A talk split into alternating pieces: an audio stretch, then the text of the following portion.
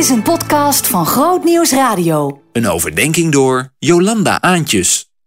Vanuit kerken in Israël en de Palestijnse gebieden klinkt de uitnodiging om vandaag, samen met hen, te vasten en te bidden om vrede, verzoening en gerechtigheid in het heilige land. De oproep luidt, ik citeer, we roepen alle partijen op om deze oorlog te deescaleren, zodat onschuldige levens worden gered en tegelijkertijd de gerechtigheid te dienen. Er is nog tijd om een eind te maken aan haat.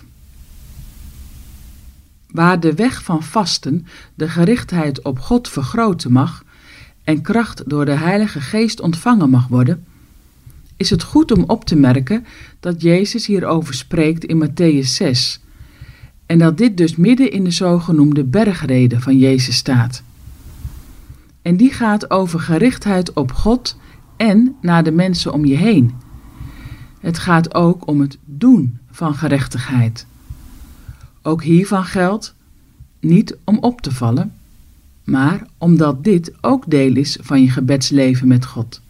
Het is vasten en bidden en doen.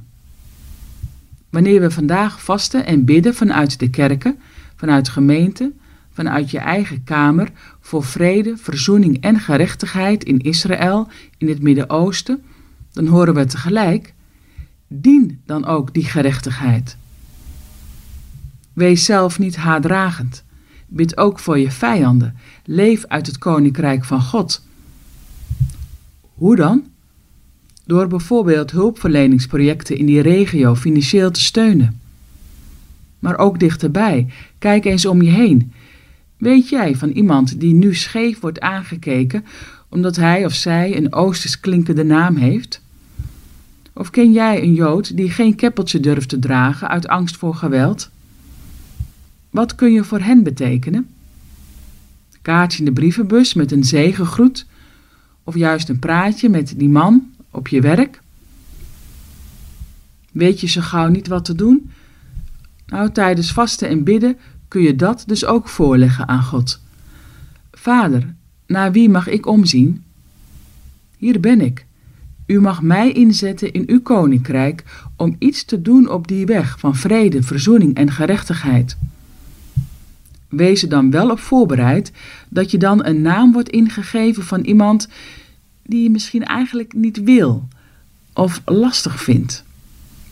Gods weg is namelijk nogal eens anders dan dat wij zelf denken dat goed voor ons is.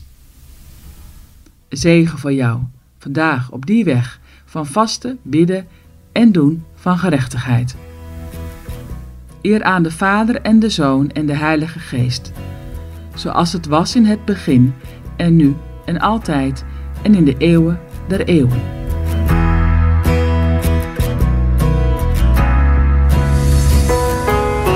Meer verdieping? grootnieuwsradio.nl slash podcast